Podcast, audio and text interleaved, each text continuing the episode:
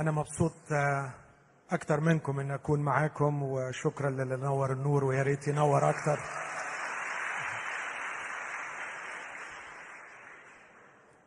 لو في نور أكتر يبقى كويس فوق وتحت.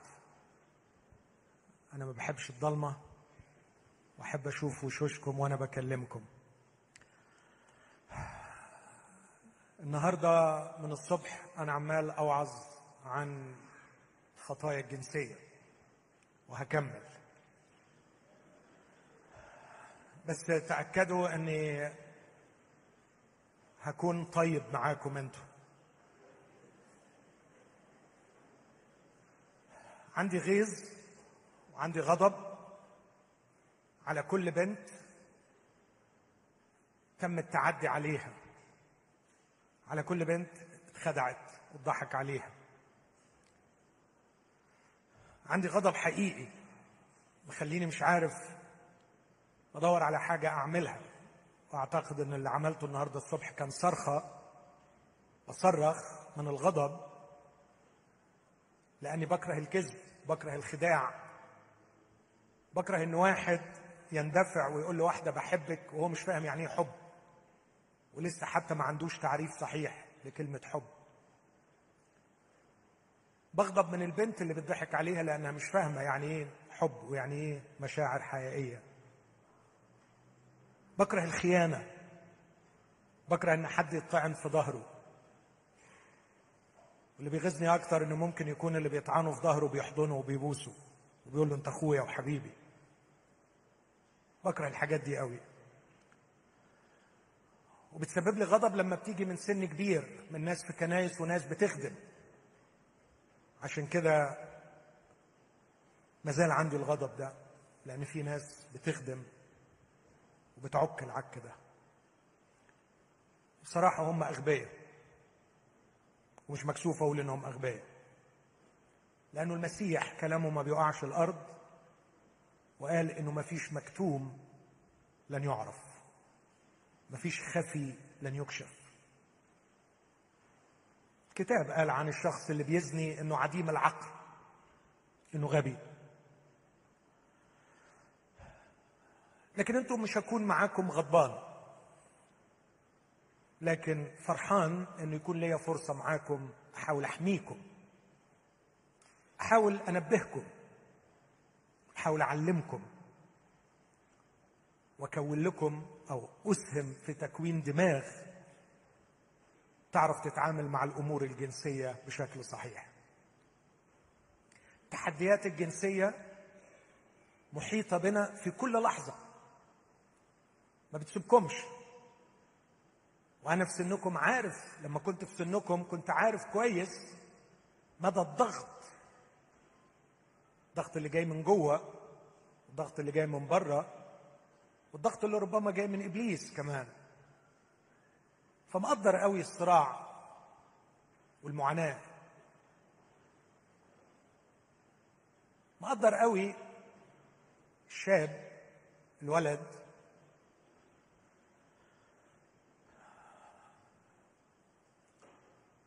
اللي بالسذاجه وبجهل مش قادر يميز هو إيه اللي هو بيعدي فيه ده ويمكن يسميه حب.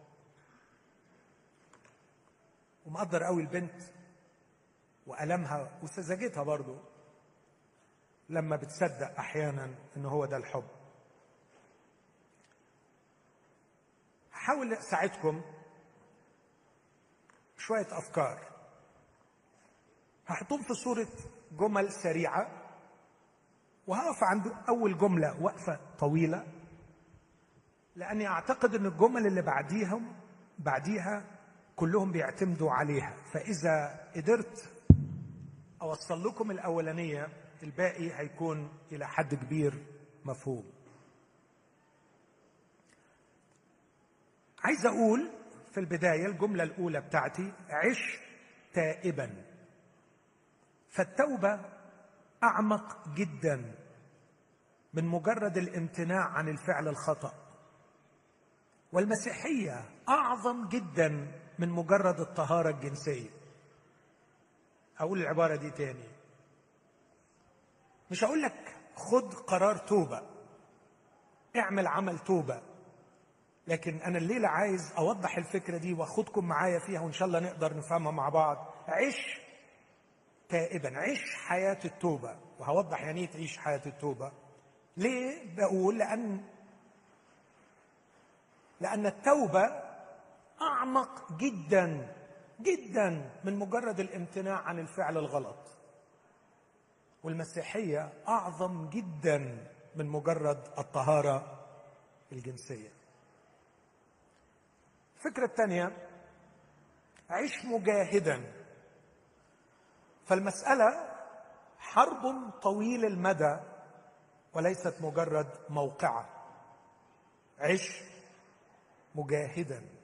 يبقى عندك ريزيلينس عندك طاقة للاستمرار. لأن المسألة ليست مجرد موقعة لكنها حرب طويل المدى. عش متصلا. مش لاقي كلمة أحلى من متصلا. لكن كأني عايز أقول كونكتد عش متصلا.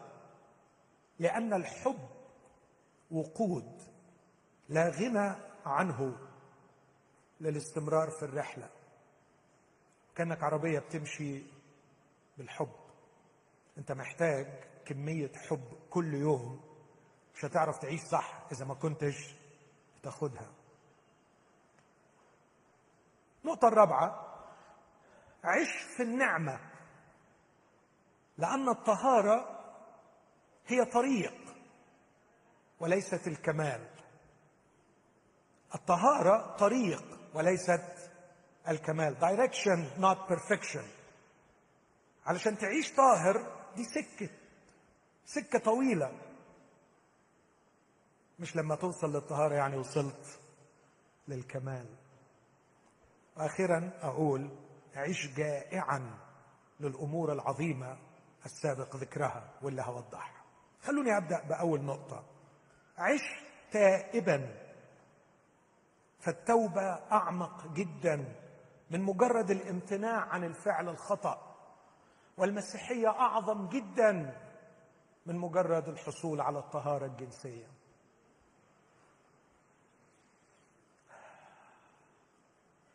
في عالم اجتماع كبير قوي من أكبر علماء الاجتماع اسمه كريستيان سميث. عمل كتاب اسمه بيرسون هود الشخصانية أو الشخصية. حط فيه من ضمن الحاجات الجميلة اللي حطها 30 صفة تميز الإنسان عن الحيوان. وأنا كنت مهتمه قوي بالحكاية دي. إيه اللي بيميز الإنسان عن الحيوان؟ لأن إحنا محتاجين حقيقي في الأيام اللي إحنا فيها دي نعرف من هو الإنسان. What does it mean to be human يعني إيه إنسان؟ فلقيته حاطط 30 صفة. من ضمن الصفات اللي حاططها حاطط حاجة بيقول الحيوانات لا يمكن تعرف تعملها اسمها self reflexivity يعني القدرة على الارتداد على النفس. قدرتي على إني أراجع نفسي. وكأنه الإنسان عنده عقلين عقل بيفكر بيه وعقل يراجع اللي العقل الأول فكر فيه. وتذكرت حاجة جميلة في حياتنا كأسرة. لما أخويا مجدي راح السماء كان ابني الصغير صغير قوي وقتها بس لقيته كاتب ورقة على مكتبه بيرسي فيها عمه وبيقول مش هقدر أنساه لأنه علمني أعظم درس في حياتي علمني إزاي أفكر في اللي بفكر فيه. فلما قريت الكتاب ده قلت له حبيبي عمك كان بيعلمك تكون إنسان. انت عمرك ما هتكون إنسان بمعنى كلمة إنسان إذا ما دربتش نفسك تفكر في اللي انت بتفكر فيه. التوبة في المسيحية كلمة جوهرية عظيمة. قبل ما يجي الرب يسوع ربنا بعت يوحنا المعمدان يهيئ الطريق كان يكرز بمعمودية اسمها معمودية التوبة. التوبة. المسيح أول ما نطق في الكرازة قال توبوا وآمنوا بالإنجيل. ما هي التوبة التي كرز بها معمدان ما هي التوبة التي كرز بها يسوع المسيح؟ ما هي التوبة التي أدعوك وأدعوك أن نعيشها؟ الكلمة اليونانية متى نويا أنا نفسي تحفظوها متى نويا اللي منها جات الكلمة في الكنيسة القبطية لو تعرفوا مطانية.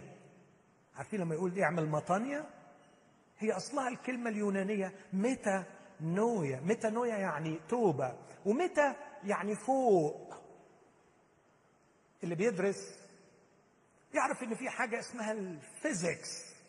وكانوا زمان يقسموا العلم كله ل physics و metaphysics meta يعني الحاجات اللي ورا العالم المنظور اللي فوق العالم المنظور. ال physics إن إحنا ندرس اللي عينينا شايفاه ال metaphysics ندرس اللي عينينا مش شايفاه. النهارده في حاجة تاني يقول لك مثلا في ثقافة ما بعد الحداثة ال meta narrative. ان كل إنسان عنده قصة لكن المجتمع بيبقى عنده قصة أعلى مشكلة قصص الناس دي. متى؟ فوق. أعلى. متى نويا؟ نويا يعني عقل. ومتى يعني فوق؟ يعني معناه عايز يقول لك عشان تتوب أنت محتاج تطلع فوق عقلك. وتشوفه بيفكر إزاي. ميتانويا تطلع فوق عقلك؟ ما تخليهوش يشتغل زي ما هو عايز. عندك القدرة كإنسان إنك تراجعه وتقول أنا بفكر صح ولا بفكر غلط. هي الأفكار بتاعتي دي جاية منين؟ ممكن تطلع جاية من عمتك سعدية أو خالتك سنية أو طنط فلانة. أو الفيلم الفلاني. أو friends هم اللي شكلوا لك عقلك. مين شكل لي عقلي؟ مين زرع لي أفكاري؟ يا إخوانا ده كل شعور جوايا وكل قرار باخده وكل حاجة بحبها وكل حاجة بكرهها. جاية من عقل تشكل. يا دي المصيبة لو كان اللي شكل لي عقلي. شكله لي في الضلمة وأنا مش دريان. أنا ما بقبلش حد في عربيتي يعكل لي. إزاي أقبل حد في عقلي يعكل لي؟ أنا ما استحملش دكتور يعك في جسمي. طب إزاي أقبل إن ناس تلعب لي في عقلي؟ لا أنا هعمل عملية توبة بإني أطلع فوق عقلي وراقبه وأشوفه بيشتغل إزاي. ومش هسيبه. بس ساعتها هحتاج حاجتين. هحتاج نقطة مرجعية. هحتاج عداد. هحتاج مؤشر. هحتاج مسطرة. هحتاج خط. هحتاج ميزان. لأن لما هطلع فوقيه وهراقبه هلاقي في حاجات كتير قوي طب هقيس على إيه؟ طب منين أعرف إذا كان ده تقيل ولا خفيف؟ ده صح ولا غلط؟ ده مزيف ولا حقيقي؟ محتاج نقطة مرجعية. وخصوصا إن كل اللي في دماغي نسبي. أنا مش مطلق أنا إنسان محدود. أنا عايز حاجة جامدة صلبة. أعرف أقيس بيها أعرف أوزن بيها أعرف أقيم بيها. وما أعرفش انت إيه النقطة المرجعية اللي هتاخدها. يمكن تقول الكنيسة بتاعتي هي النقطة المرجعية بس ده خطر عليك جدا جدا. سمعت واحد قريب بيقول كلام غريب فعلا. بيقول الكتاب المقدس ما ينفعش يكون النقطة المرجعية. التاريخ. وبعدين قال حجة غريبة جدا فعلا. حجة هزلية. قال عن الكتاب المقدس كل واحد بيفسره زي ما هو عايز. يعني قال التاريخ مش كل واحد بيفسره زي ما هو عايز. لا كنت نفسي أقول له على فكرة التاريخ مش بيفسروه زي ما هو عايزين بيكتبوه زي ما هم عايزين.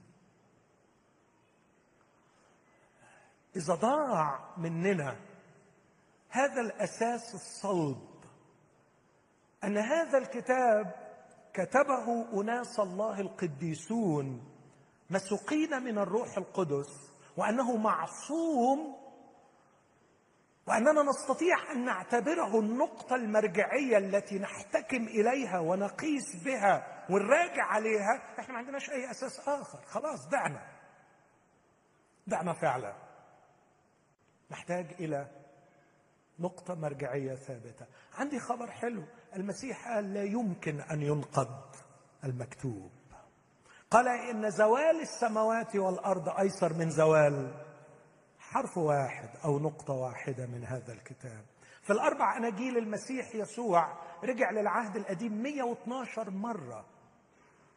وكان يبني كلامه وتعليمه وحواراته وحججه. مستعملا دائما الكلمة الشهيرة مكتوب مكتوب. حتى في حواره مع إبليس كان غريب قوي. ما انساش مرة حسيت الإحساس ده. الشيطان جاي يقول للرب يسوع اسجد لي. كان نفسي إن الرد بتاعه يقول له غور يا قليل الأدب اخرس بجد؟ كان يلطشه قلمين يقول له اخرس قطع لسانك يا بعيد. أنت تقول لي. إيه قلة الأدب دي؟ إيه البجاحة دي؟ أنا خالقك. تعرف يسوع رد على إيه وقال له إيه؟ مكتوب.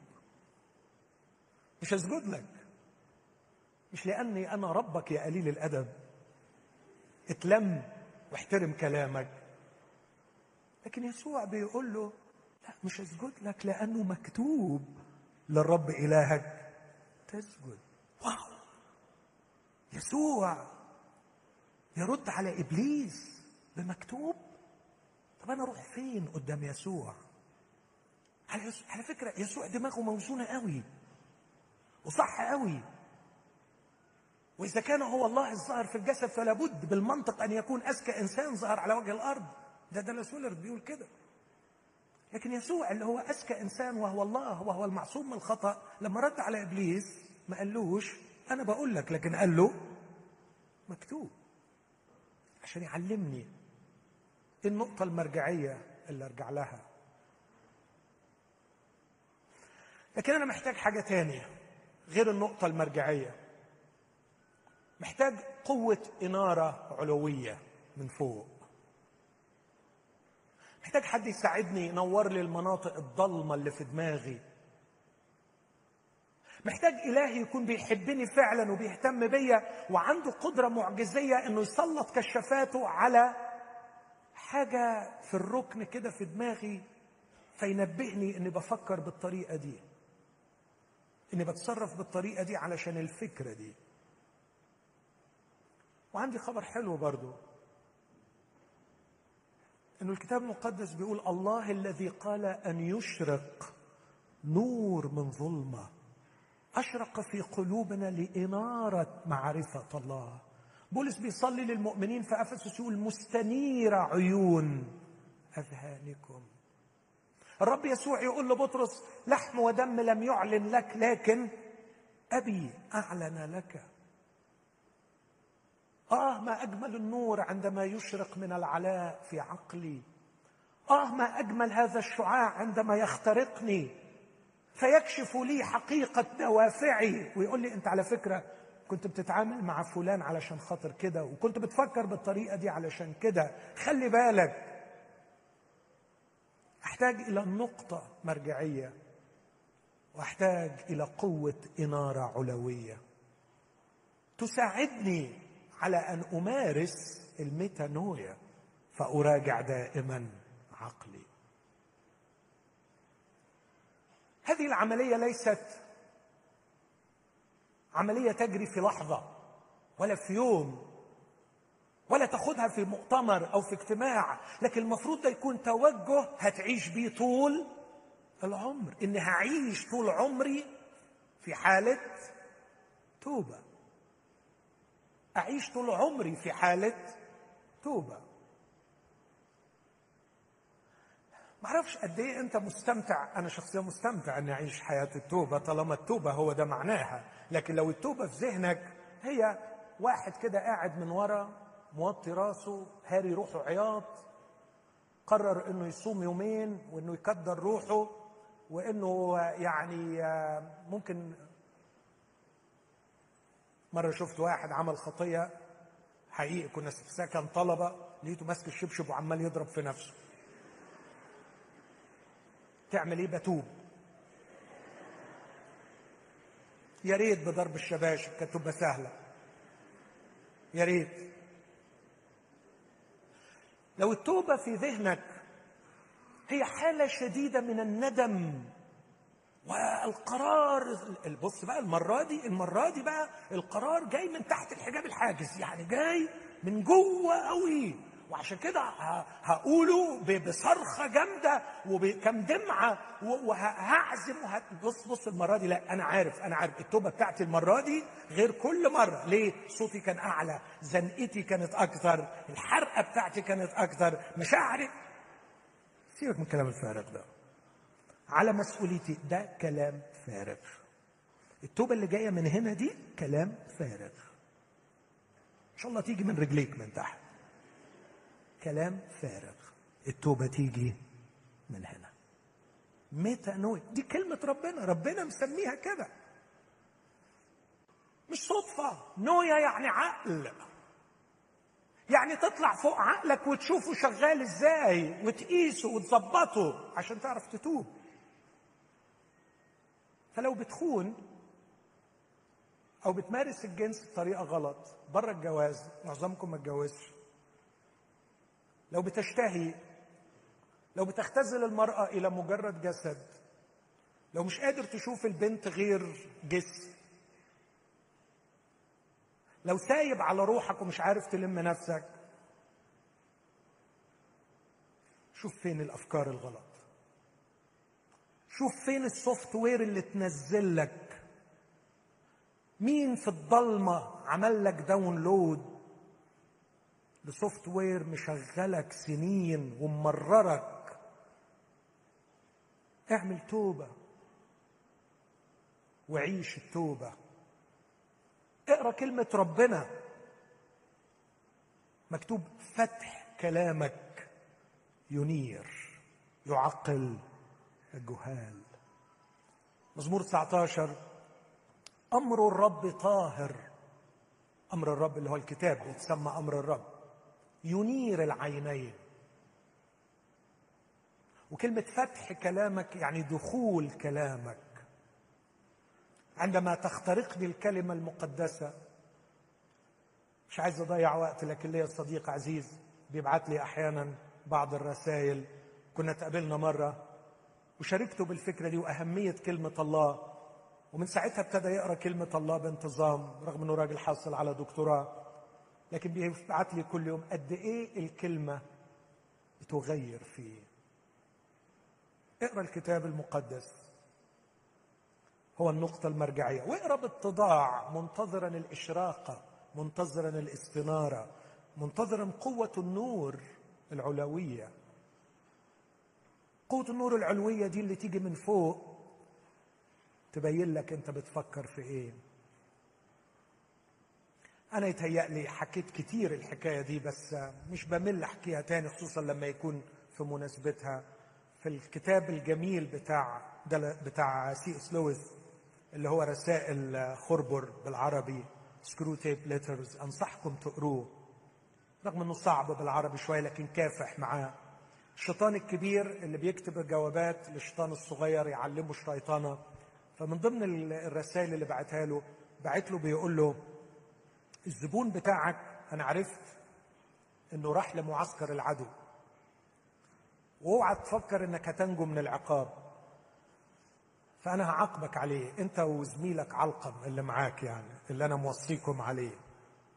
بس بيقول له ما تحبطش وتبطل شغل لأن كتير منهم بعد سياحة قصيرة في معسكر العدو يعودون إلينا مرة أخرى. بس المهم إنك تشوف شغلك. إيه شغله؟ قال له آه ما تقلقش ابدا من مسألة مروحه الكنيسة مش دي القضية خليه يروح الكنيسة. مفيش خوف ابدا من مروح الكنيسة. وبعدين بيقول له على فكرة أنا عندي زبون متابعه من سنين طويلة. قدرت أخليه ما يستفدش ولا مرة في الكنيسة فالمسألة سهلة خالص. بس تخليه وهو قاعد ينشغل بمناخير اللي قاعد قدامه أو بلبس اللي قاعدة قدامها أو بمنظر ال boot بتاع الراجل اللي قاعد على جنب. سهلة قوي سهلة قوي. وهو في الكنيسة to distract سهل تشتته. دي مش قضية ابدا. سهل قوي تخليه يقرف من الناس اللي حواليه. يقول له بص الراجل ده وشه عامل إزاي؟ بص الست دي عاملة إزاي؟ سهلة قوي. فالكنيسة مش هي القضية. قال له ما لا أعمل إيه؟ قال له ما تخلوش يصلي. وبعدين قال له ودي كمان صعبة. غالبا مش هيبطلوا يصلوا. بس عندي خطة ما بتفشلش. خليه يصلي دون أن يلتقي بالله. بعدين بيشرح له بيقول له لأنه لو التقى بالله ودخل إلى حضرة هذا النور الذي نهرب نحن منه سيحدث الشيء الذي بعده لن يستطيع أقوى المجربين في مملكتنا على إسقاطه. سوف يكتشف حقيقة نفسه. أوعى تخليه يتعرض للنور. لو تسلط عليه نور الحضرة الإلهية لو عرف يقعد مع الله. وأنا نفسي فعلا أسألكم يا شباب أنتوا عارفين يعني الواحد يقف قدام الله ويتكلم مع الله؟ ويبطل يقف قدام ربنا عشان يملي كلام عليه أو عشان يعيش حالة شعورية معينة لكن علشان يلتقي بالله ويقول له اختبرني يا الله واعرف قلبي. ليه؟ ليسقط نورك علي ويكشفني ويفحصني. اختبرني امتحني اعرف افكاري اكشف لي حقيقة نفسي. هذه اللقاءات عندما تتكرر مع الله تحدث التوبة. دي رحلة العمر كله. أوعدك وأوعدك إنكم هتحبوها. الممارسة دي هتحبوها. لأنك هتكتشف إنك بتكتشف نفسك. تكتشف نفسك. مرات ناس تقابلني في أي حتة كده وبعدين تعرف إن طبيب نفسي. يقول يا دكتور ممكن ممكن تساعدني أفهم نفسي؟ أقول يا عم أنا عارف أفهم نفسي أنا احل عن عم معروف. إحنا بالعافية بنشوف العيانين نحاول نساعدهم يعني. لكن الناس عندها شوق إنها تفهم نفسها. التوبة في محضر الله مع الكتاب المقدس تساعدني أفهم نفسي. ممارسة جميلة تقدر تعيشها. هرجع وأقول إن التوبة الحقيقية في المفهوم المسيحي ليست مجرد الامتناع عن الفعل الغلط لكن اكتشاف العقل الرابط وراء الفعل الخطأ وتغييره. فأغير من المنبع أغير التركيبة العقلية اللي قادتني إلى الفعل الخطأ. عندما أتصور إنه العلاقة الجنسية هي الفردوس المفقود وهي أجمل حاجة في الدنيا وهي اللي بتخلي الواحد يعيش لحظات ما فيش حاجة تانية تساويها. السيستم ده لازم يتغير. عندما تتعود أن تنظر إلى المرأة وتنسى تماما إن في بني آدم ساكن جوه الجسد ده. ليه حقوقه؟ وليه جماله؟ وما هياش مجرد جسم من بره. وتبدأ تتعلم تفصل إنه ال perception بتاعك استقبالك للمرأة ما يكونش من جسدها لكن يكون من شخصيتها. أعتقد لما ال system ده يتغير أخلاقك هتتغير. هذه هي التوبة. تغيير العقل. الرابط عارفين يعني الرابط؟ ولا صعبة؟ طب الكامن؟ طب القابع؟ العقل؟ اللي قاعد؟ اللي هو الأصل والمنبع بتاع الفعل الغلط ده اللي لازم يتغير. عش تائبا لأن التوبة ليست مجرد الامتناع عن الفعل الغلط لكنها حياة تغيير العقل. لكن كمان بقول ولأن المسيحية أعظم جدا من مجرد الطهارة الجنسية. يعني ما تخليش الحلم الكبير بتاعك والحرب الروحية كلها بتاعتك إنه في الآخر إن أقدر أعيش طاهر. لا المسيحية أعظم من كده. طب أعظم من كده في إيه يعني؟ خليني أقول لكم بعض الحاجات. عندي أربع مفاهيم محتاجين نتغيروا ونشتغل عليهم في مسألة التوبة نغير عقلنا. ما هي المسيحية في نظرنا؟ صور ده سؤال مهم. ما هي مسيحية؟ سؤال ثاني ما هو الخلاص؟ سؤال ثالث ما هو الرجاء؟ سؤال رابع ما هي الحرب الروحية؟ أربع حاجات هقولهم تاني المسيحية الخلاص الرجاء الحرب الروحية. أنا رأيي تعملوا عليهم يعني شغل كتير مع نفسكم. ويا ريت لما تحب تشتغل على موضوع اسمع آراء مختلفة ها؟ ما تركزش على اللي انت دايما بتحب. تسمعه ما هي المسيحية؟ ما هو الخلاص؟ ما هو الرجاء؟ ما هي الحرب الروحية؟ طبعا مش هشرح الأربع حاجات دول لكن أقول كلمة واحدة عن كل واحدة من وجهة نظري بعد حياتي الطويلة مع المسيح أقول المسيحية هي دعوة للدخول في دائرة الشركة الأزلية. هي دعوة للدخول في دائرة الشركة الأزلية. كان في مجتمع أزلي. فيه الآب والابن والروح القدس. في حالة من الحب والثبات والسلام العميق. لكن هذه الدائرة فتحت لتستوعب كائنات روحية عاقلة. يصير أبناء للأب وعروس للابن ومسكن للروح القدس. في دائرة الشركة الأزلية كان الله قائم من الأزل وإلى الأبد مكتفي بذاته غير محتاج لأي شيء ينعم بالحب بين الآب والابن والروح. لكنه قرر أن يفتح هذه الدائرة. ويأتي بكائنات روحية عاقلة تدخل إليها. لك عبيد لك أجر لك خدام. لكن يدخلوا إلى هذه الدائرة لكي يكونوا أبناء للآب وعروس للإبن ومسكن للروح القدس. وعندما أدخل إلى هذه الدائرة العجيبة الأزلية أشبع علاقاتيا وهذا أكبر جوع عندي. أنا جعان لعلاقة. وأنا مستعد أقعد أقاوح معاك ساعة وأبين لك إن احتياجك الأساسي هو احتياج لعلاقة. حد موافقني على الكلام ده؟ شكلكم مش موافقين. طب أشوف أيادي مرفوعة. ممكن تقول لا لا لا لا أنا فكرت احتياجي الأساسي هو للفلوس احتياجي الأساسي هو للنجاح احتياجي الأساسي هو للمواهب احتياجي الأساسي هو للإنجاز. خد الخلاصة دي وفكر فيها صدقني احتياجك الأساسي لعلاقة مشبعة. هذه العلاقة المشبعة لا يمكن أن تأتي إلا في هذه الدائرة. أنا ما بقولش هي كل احتياجاتي. لكن هو ده الأساس.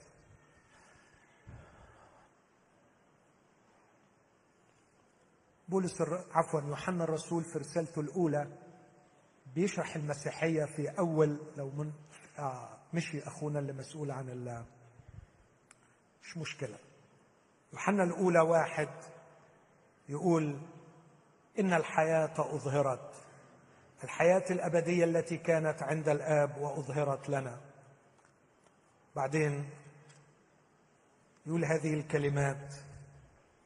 الذي رايناه وسمعناه نخبركم به. إحنا شفنا يا ناس شفنا الحياة الأبدية اللي كانت عند الآب اللي هي يسوع المسيح. جات لنا. بعدين يقول نخبركم به لكي يكون لكم أيضا شركه معنا. وأما شركتنا نحن فهي مع الآب ومع ابنه يسوع المسيح. وبعدين يقول ونكتب إليكم هذا. لكي يكون فرحكم كاملا. كاملا. تفرح فرح كامل. ما هو مفهومك للخلاص؟ ما أعرفش إيه مفهومك للخلاص. كان نفسي يكون عندي وقت وآخذ آراء منكم. إيه مفهومك للخلاص في المسيحية؟ نفسي كده اخد واحدة وواحد أطمن. بس تنقي لي أنت تنقي لي واحدة وواحد يجاوبوني على السؤال ده. حد يقول لي إيه مفهوم مفهومك للخلاص؟ إيه هو الخلاص؟ مين اللي جاية؟ كارلا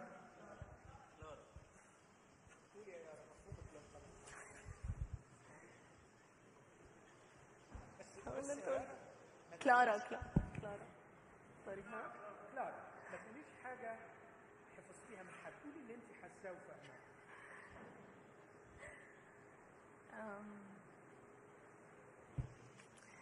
إن أنا ما بقاش محكوم عليا بالموت من الخطية اللي أنا في عايشة فيها وبقى عندي علاقة أزلية مع الآب والابن والروح القدس.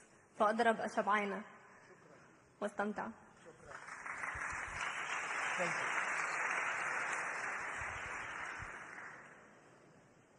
لارا بتقول إنه ما يبقاش محكوم عليا بالموت بسبب الخطية وبعدين أضافت الحتة الجديدة إنه يكون لي علاقة مع الآب. حد من الشباب يقول لي مفهومه للخلاص؟ آه الخلاص بالنسبة لي سكة بمشيها بتوقع كل الشوايب اللي فيا آه ببدأها في لحظة بس هي بمشي فيها مدى الحياة شكرا رائع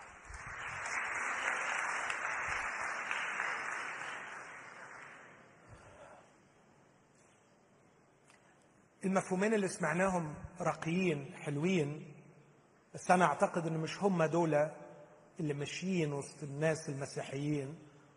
كثير من المسيحيين بيبصوا للخلاص على إنه ما اروحش جهنم.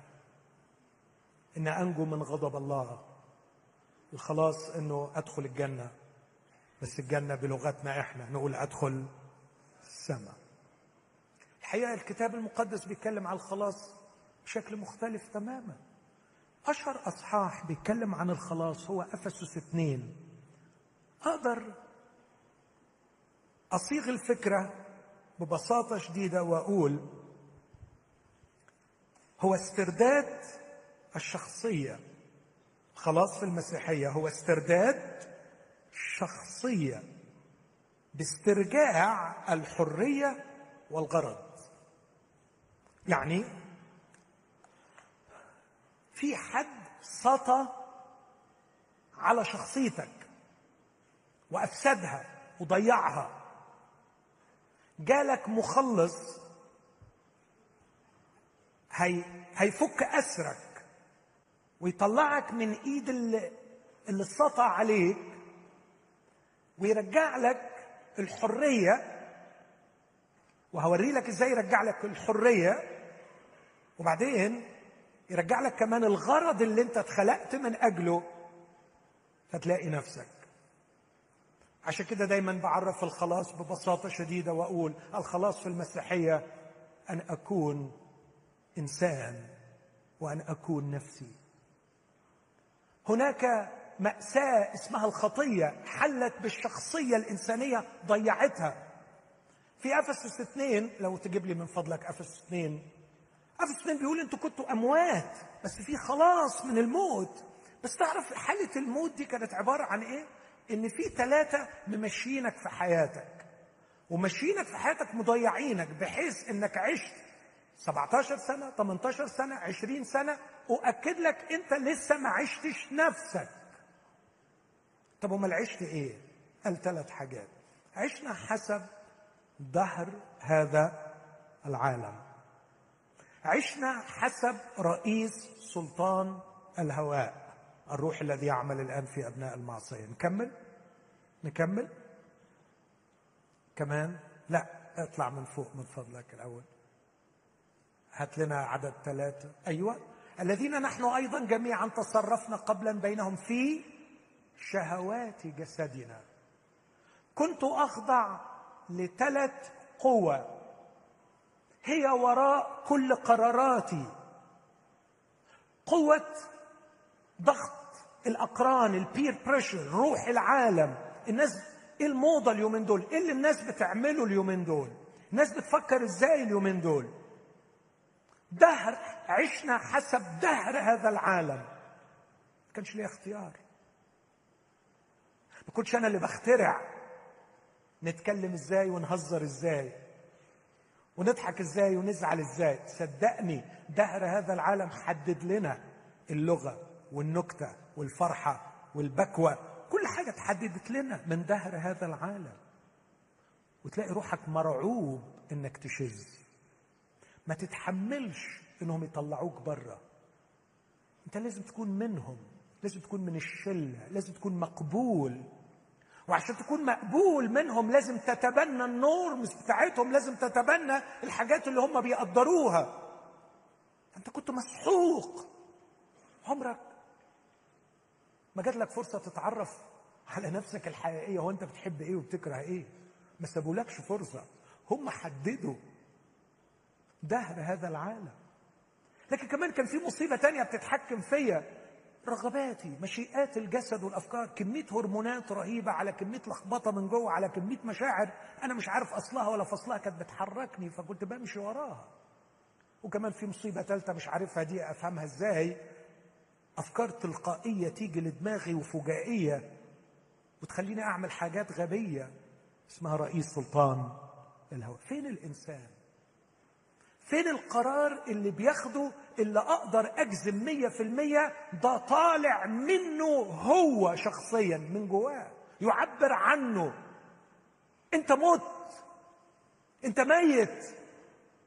أنت ميت لأنك مش باين ومش بتقرر ومش بتفكر. أنت اتمسخت. مسحوق بدهر هذا العالم بأفكار من إبليس بغرائز وهرمونات وكيمياء في جسمك. فترة قريبة دخلت مع مراتي كافيه في اسكندرية نقعد شوية. وبعدين لفت نظري الكافيه كبير قوي.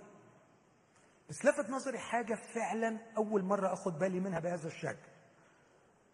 مش أقل من 100 120 واحدة ست قاعدين ستات كبار قوي في السن ستات متوسطين في العمر بنات صغيرين مفيش واحدة مش بتشيش. كلهم كل الستات بتشيش. فأنا قلت لمراتي واو.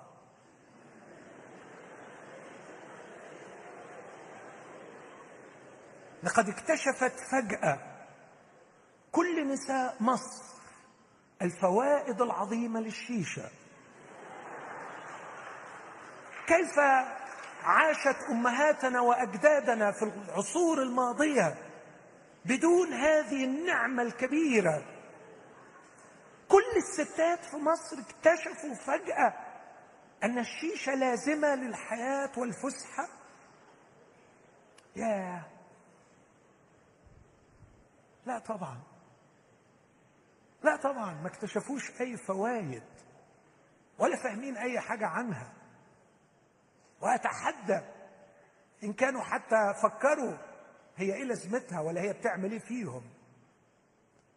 كل ما في الموضوع كل الستات النهارده بتشيش. عيب إن إحنا نقعد وما نشيش. كله بيعمل كده دلوقتي وأنا ما أحبش أبقى نيرد ما بحبش أبقى يعني مش كول ما أحبش أبقى غريب ما أحبش أبقى شاذ. مش ما تحبش الحقيقة انت جبان انت مرعوب. ما تبقاش زيهم. ما تقدرش. لانك مش حر. ما تقدرش تكون نفسك. انت مسحوق باللي هم بيعملوه. انت محتاج مخلص يطلعك. يقول لك على فكرة انت ممكن يكون عندك رأي تاني. انت ممكن تكون حاجة تاني خالص. انت ممكن تفكر بدماغك ودماغك تطلع صح. أو يحميك من أفكار فجائية أو أفكار جاية من المجتمع ويكون وراها إبليس. الخلاص في المسيحية أن المسيح يخلص شخصيتي الحقيقية من براثن هؤلاء الأعداء الثلاثة الذين سحقوها ومسخوها وضيعوا معالمها. وجعلوا عمري يمضي مني دون أن أتعرف على حقيقتي. من أكون أنا؟ جاء يسوع مخلصي لكي يجعلني نفسي يحررني ويجعلني نفسي. وينحت لي شخصيتي بحرية بحرية. أبقى حر. أنا اللي بفكر. بفكر معاه بفكر فيه طبقا ل point of reference طبقا لنقطة مرجعية. أفكر باستنارة من عنده. أفكر في كوميونتي مع مؤمنين حواليا ماشيين معايا المسيرة بنصحح بعض وبنشجع بعض وبنكبر بعض وبنبني بعض. بس بكون أنا. لكن مش بس كده الخلاص هنا يقول مخلوقين في المسيح يسوع هات لنا عدد عشر من فضلك. لأننا نحن عمله. مخلوقين في المسيح يسوع لأعمال صالحة. قد سبق الله فأعدها لكي نسلك فيها. خلاص في المسيحية مش بس خلاص من from لكن خلاص فور لحاجة. خلاص لإيه؟ خلاص لأعمال صالحة. بس قبل ما يقول إنه هياخدني في رحلة يقودني في مجموعة من الأعمال الصالحة يخليني أعملها فألاقي نفسي فيها واتحقق فيها واختبر حريتي فيها وأعيش فعلا مستمتع لأني بعمل الحاجة اللي أنا مخلوق علشانها. قليلين قوي اللي يقدروا يقولوا العبارة دي. أنا مستمتع لأني بعيش الحاجة اللي أنا مخلوق علشانها. بس هو هنا بيقول مخلوقين هيخلق خلقك لحاجات معينة هتعيشها. بس قبل ما يقول دي يقول لأننا نحن عمله. كان ناجي من شوية بيقول لنا إنه في يوم من الأيام سليمان وهو بيعمل الهيكل العظيم عشان ربنا يسكن اسمه فيه. عملوا بحجارة جميلة نحتها بطريقة معينة وحجاره كريمة. وبعدين طبق الكلام ده علينا. وده تطبيق رائع إنه فعلا النهارده الله بيبني لنفسه هيكل مننا علشان يعلن مجده. في آية بتتفهم غلط. الكل في هيكله قائل مجد. بتتفهم على إن كل الناس تتلم في هيكل ربنا وكلهم يصرخوا بصوت واحد ويقولوا مجد. مش ده المقصود؟ المقصود إن كل جزء في الهيكل بينطق بمجد الله. فكل مؤمن فيكم الناس تتفرج عليه ينطق بمجد الله.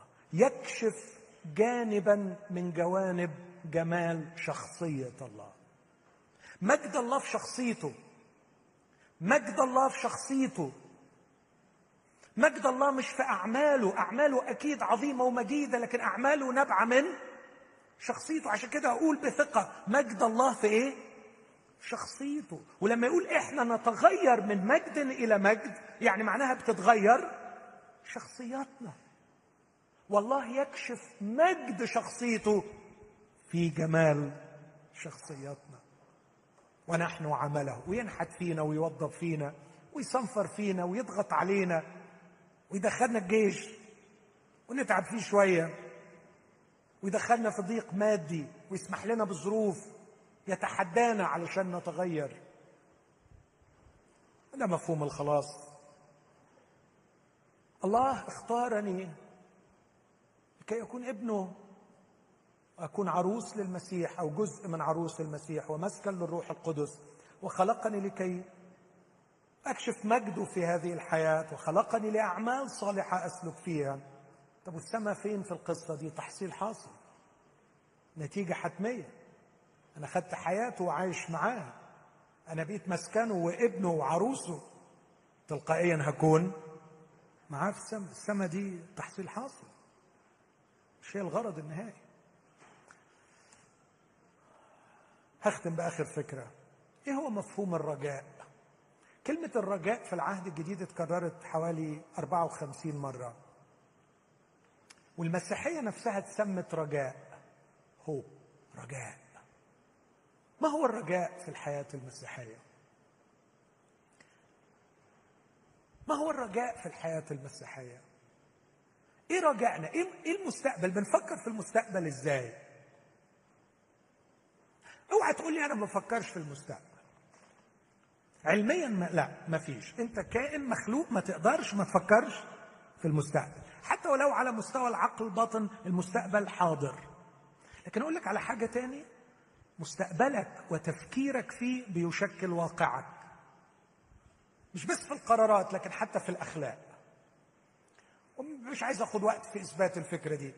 لكن إيه رأيكم في المصريين القدماء؟ المصريين القدماء اهتموا جدا بالأخرويات. والأخرويات شكلت عقلهم من جهة الحاضر. فكل اللي تركوه لو تاخدوا بالكم أعظم ثلاث آثار تركوها تحنيط الموتى علشان الحياة الأخرى الهرم مسكن الميت في الحياة الأخرى كتاب الموتى اللي بيحكي للإنسان أو بيساعده الخريطة كيف يعيش في الحياة الأخرى. شكلت حضارتهم. أفكارهم عن أبديتهم شكلت حضارتهم. طب بلاش المصريين. خلونا نفكر في ثقافتنا الحالية. هل أفكار الناس عن مستقبلهم وأبديتهم تؤثر في حاضرهم؟ فكر في الحكاية دي. طب أسألكم سؤال تفكروا فيه لما تروحوا. ما هو نصيب المرأة في الأبدية؟ فكروا فيها. ما هو نصيب المرأة بعد الموت؟ صمت. مفيش حاجة هناك. الرجال عارفين هيعملوا إيه. الستات ما يعرفوش. تعرف إيه نصيب المرأة هناك؟ Nothing. وعشان كده هي هنا على الأرض. Nothing. تصور الناس عن أبديتهم يؤثر بقوة على حاضرهم ومستقبلهم. بلاش ده وده لو قريت عن نيتشه نيتشه قال هناك العدم اللانهائي. عشان كده وضع أساس نياليزم وضع أساس العدمية اللي خلت هتلر بضمير مستريح يبيد الملايين. ما لهمش لازمة لأنه مفيش حياة بعد الموت. خلاص. النهاية القبر. فاحنا نظبطها بحيث إن اللي هيتوجدوا هنا يبقوا أحسن ناس موجودين والباقي كله نخلص منه. ليه نخلي في الحياة في schizophrenic أو معاقين أو يهود أو سود؟ نتخلص من الحاجات دي ونخلي بس الحاجات الكويسة لأن هو كله هينتهي هينتهي. اوعى تفكر إن تصورك إن ما عندكش تصور عن الأبدية وأوعى ما تاخدش بالك إن تصورك عن الأبدية ما بيأثرش على حاضرك. طب إيه تصور المسيحيين عن الأبدية؟ الملل والكسل الأبدي. كمية رهيبة من العروش هنقعد عليها وهي غالبا عاملة زي الريكلاينرز. مرة واحد على فكرة شرحها كده لأن في آية بتقول إنه الرب لما هياخدنا هناك يتقدم ويتكئنا ويتقدم ويخدمنا. فيتكئنا دي يعني يروح مرجع لنا الريكلاينر؟ لورا وبعدين يعدي علينا لفة تاني يدي لكل واحد فينا قيثارة ونبدأ كلنا نغني. طب وبعدين؟ وبعدين؟ مفيش وبعدين؟ هو خلصت على كده. تعبنا.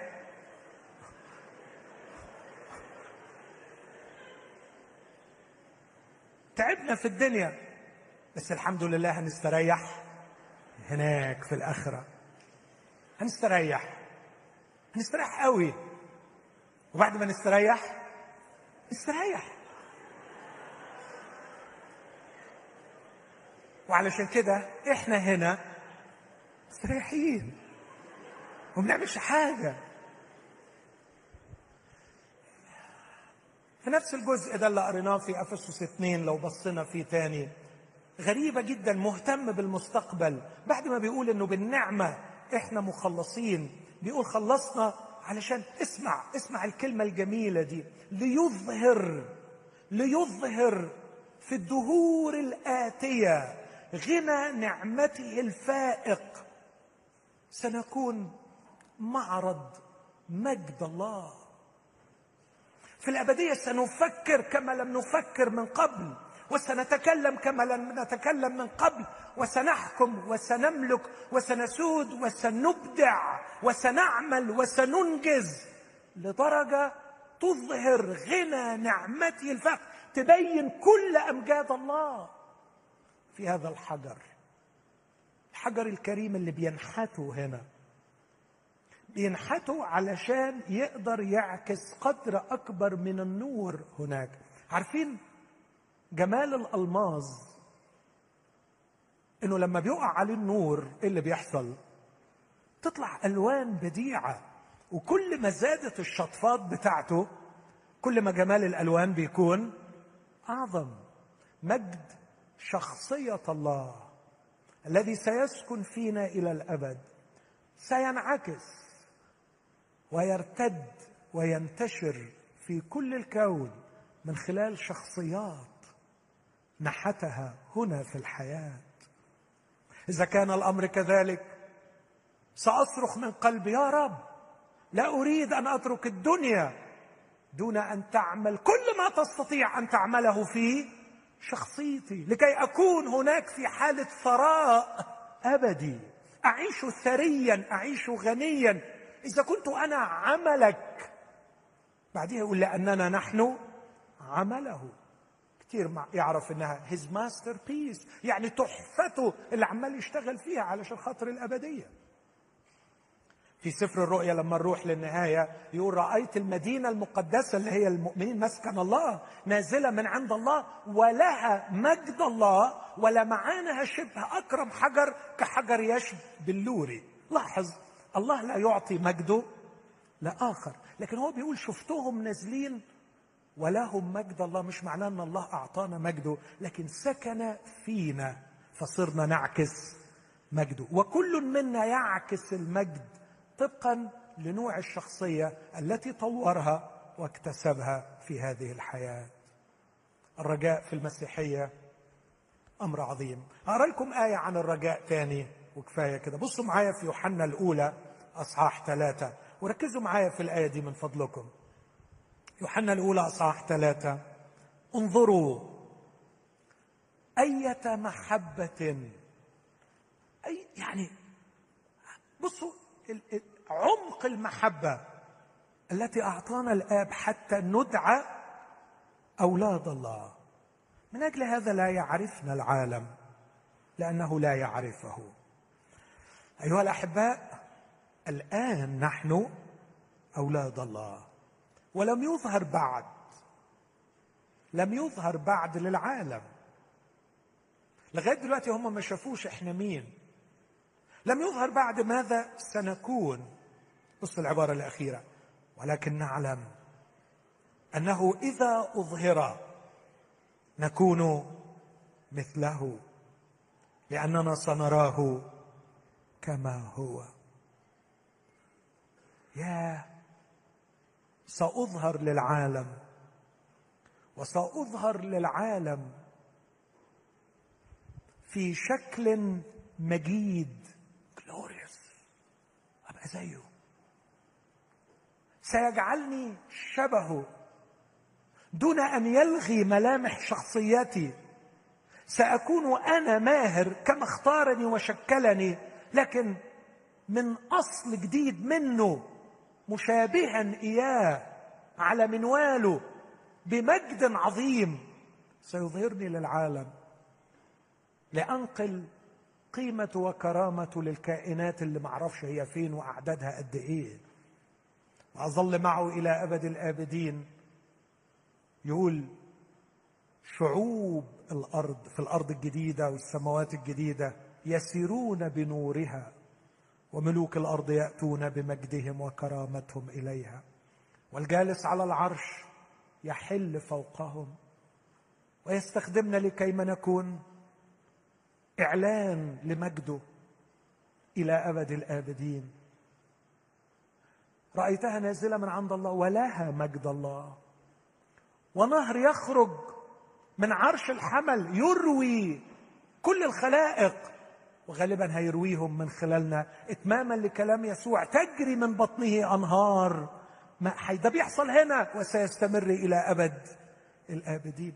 هل هذا الرجاء لما يملك عقلي ممكن يأثر علي اخلاقيا ومن جهة الخطايا الجنسية؟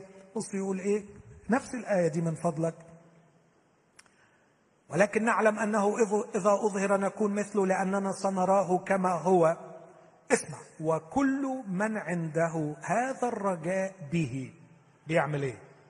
اللي عنده هذا الرجاء بيعمل إيه؟ يطهر نفسه كما هو طاهر. الوقت خلص وعدى. لكن دي أعتقد إنها قضية أساسية. كان نفسي أتكلم عن مفهومنا للحرب الروحية لكن أقول بس إنها ليست مسألة شخصية لكن إبليس بيبني بنا في العالم وإحنا المفروض نهده. المفروض نهد البنا ده. المسألة الحرب الروحية مش حاجة شخصية معاك. الحرب الروحية أعمق من كده. إبليس بيعمل وإنت المفروض إنك تخرب له اللي هو بيعمله. ابن الله اظهر لينقض أعمال إبليس وإنت لازم تعمل كده. إذا فهمت هذه الأشياء وعشت تائبا تغير فكرك لكي تفهم الحقائق المسيحية بشكل صحيح. أقول لك عيش مجاهدا. فالمسألة حرب وليست موقعة. هتبدأ تمشي في سكة التوبة لكن بعد شوية هتلاقي روحك زهقت وتعبت ووقعت. قوم. قوم وكمل لأنها حرب طويلة المدى وليست مجرد موقعة. وأنت ماشي في السكة عش متصلا. خلي خلي في توصيلة بينك وبينه باستمرار علشان تاخد جرعة من الحب تكفيك يوميا.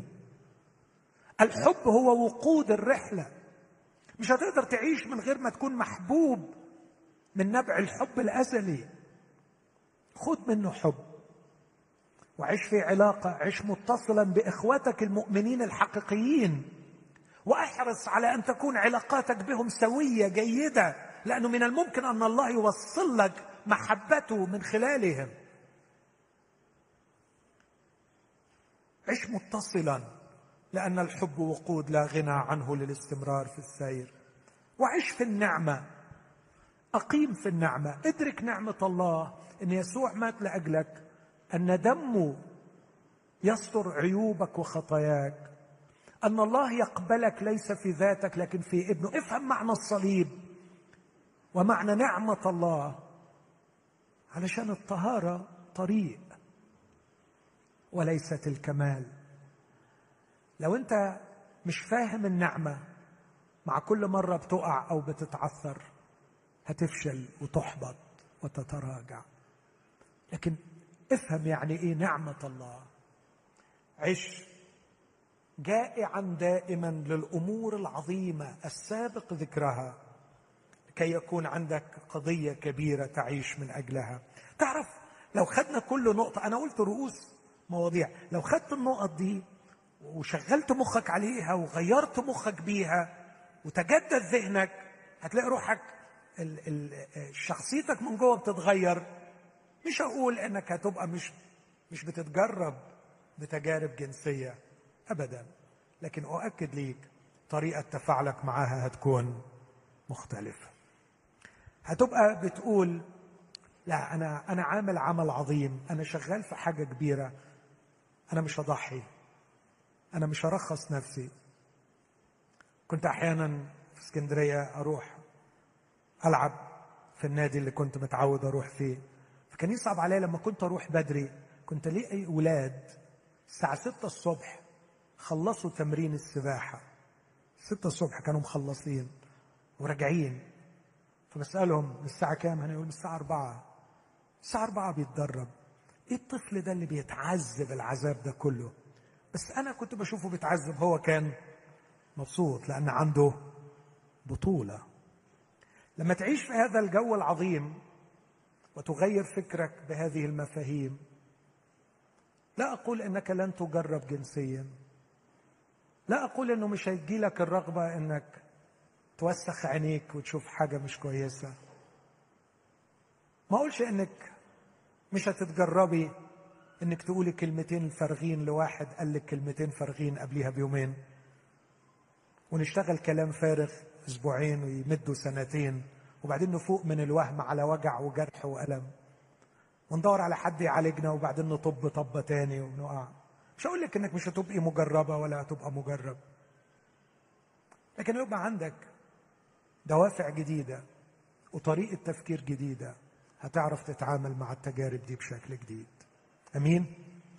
أتمنى إنه نبدأ نفكر في حياة التوبة ونعيشها. هقول لكم الخمس أفكار مرة تاني. قلت اولا عش تائبا.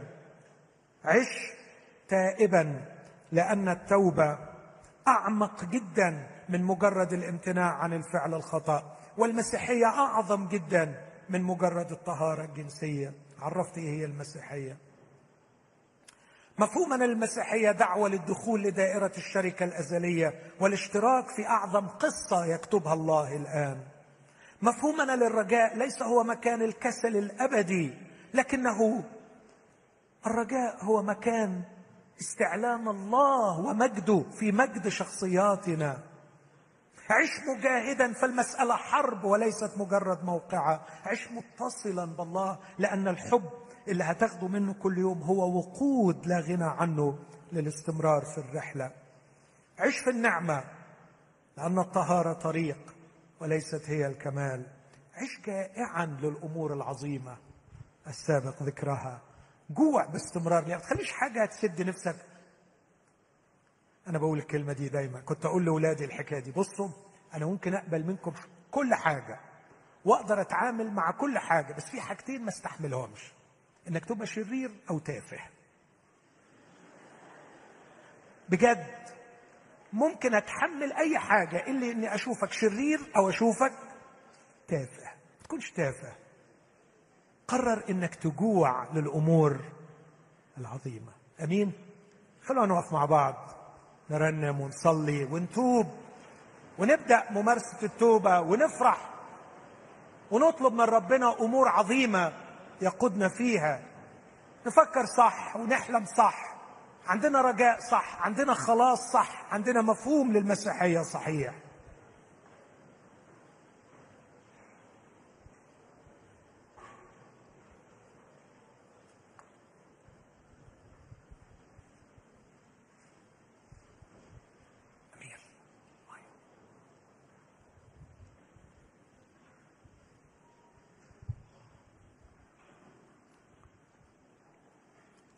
لو كلامي طار من دماغك أتمنى بس يكون باقي معاك إن المسيحية فيها مخلص اسمه يسوع.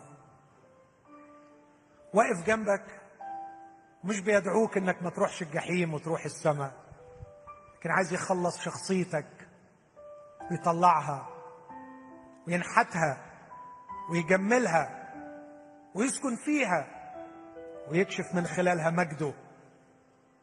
عشان كده هو مخلص. انت محتاجه. انت محتاجاه. ينقذني يحررني يسترجع لي حريتي فأكون إنسانا وأكون نفسي. أبقى أنا. أنا اللي خسرته خسر نفسه. أنا اللي خسرتني ومش لاقيني ومش عارفني. أنا اللي اتدهست وأنا بقلد الآخرين علشان يقبلوني. أنا اللي اتدهست بسبب رغباتي الجنسية. أنا اللي اتسحقت بسبب أفكار شيطانية مش عارف جات لي منين. النهارده أنا عايز خلاصك يا يسوع. لا عايزك يا مخلصي تصحبني. وترجع لي. ترجع لي شخصيتي اللي أنا مش عارفها. وأرجع وأبقى إنسان. وأرجع وأبقى نفسي. اللي مخلوق على صورتك. صلي معايا وصدق إن يسوع يبتسم في وجهك يحبك يبحث عنك عايز يعمل منك إنسان عظيم.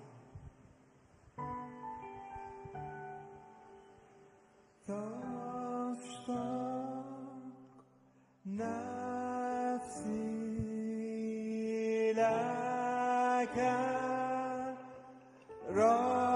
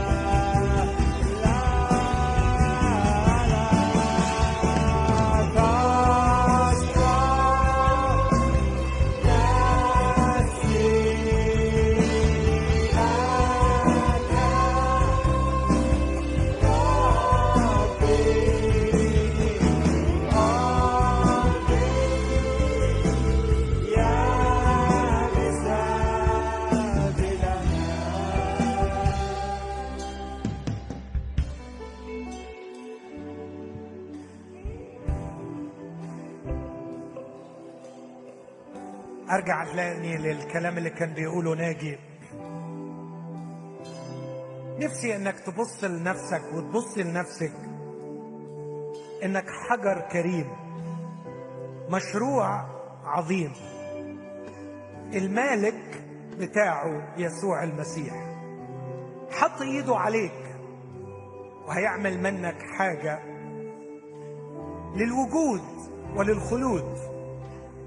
هنا وفي الأبدية يستعلن مجد عظيم من خلالك ومن خلالك.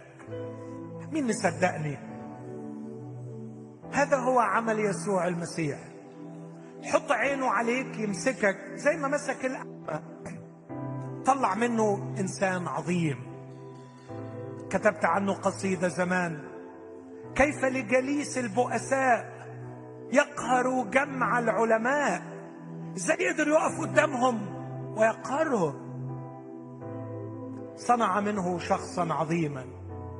بس اللي, اللي هيشوف نفسه كده من فضلك من فضلك. خلي بالك من جسمك. ده مش بتاعك. تخليش حد يترك فيه أثر مش من حقه. العلاقات الجنسية بتطبع أشياء من المستحيل التخلص ثق في اللي بقوله لك.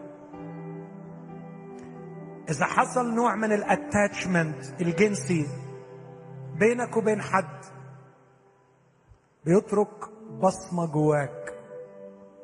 عشرات السنين مش بتطلعها. ما تشوهش كيانك. احتفظ به كريما لصاحبه. خلي بالك من جسمك لكن خلي كمان بالك من عقلك. ما تخليش حد يلعب فيه خلي عقل صاحي. بيراجع بيناقش بيفكر. منين؟ ليه؟ إيه الأساس؟ احتفظ بنفسك. في محضر الله؟ طول طول الوقت كل الوقت. أنا لك أنا ملكك ليكن عرشك فيا ولتكن مستريحا وأنت تدير حياتي.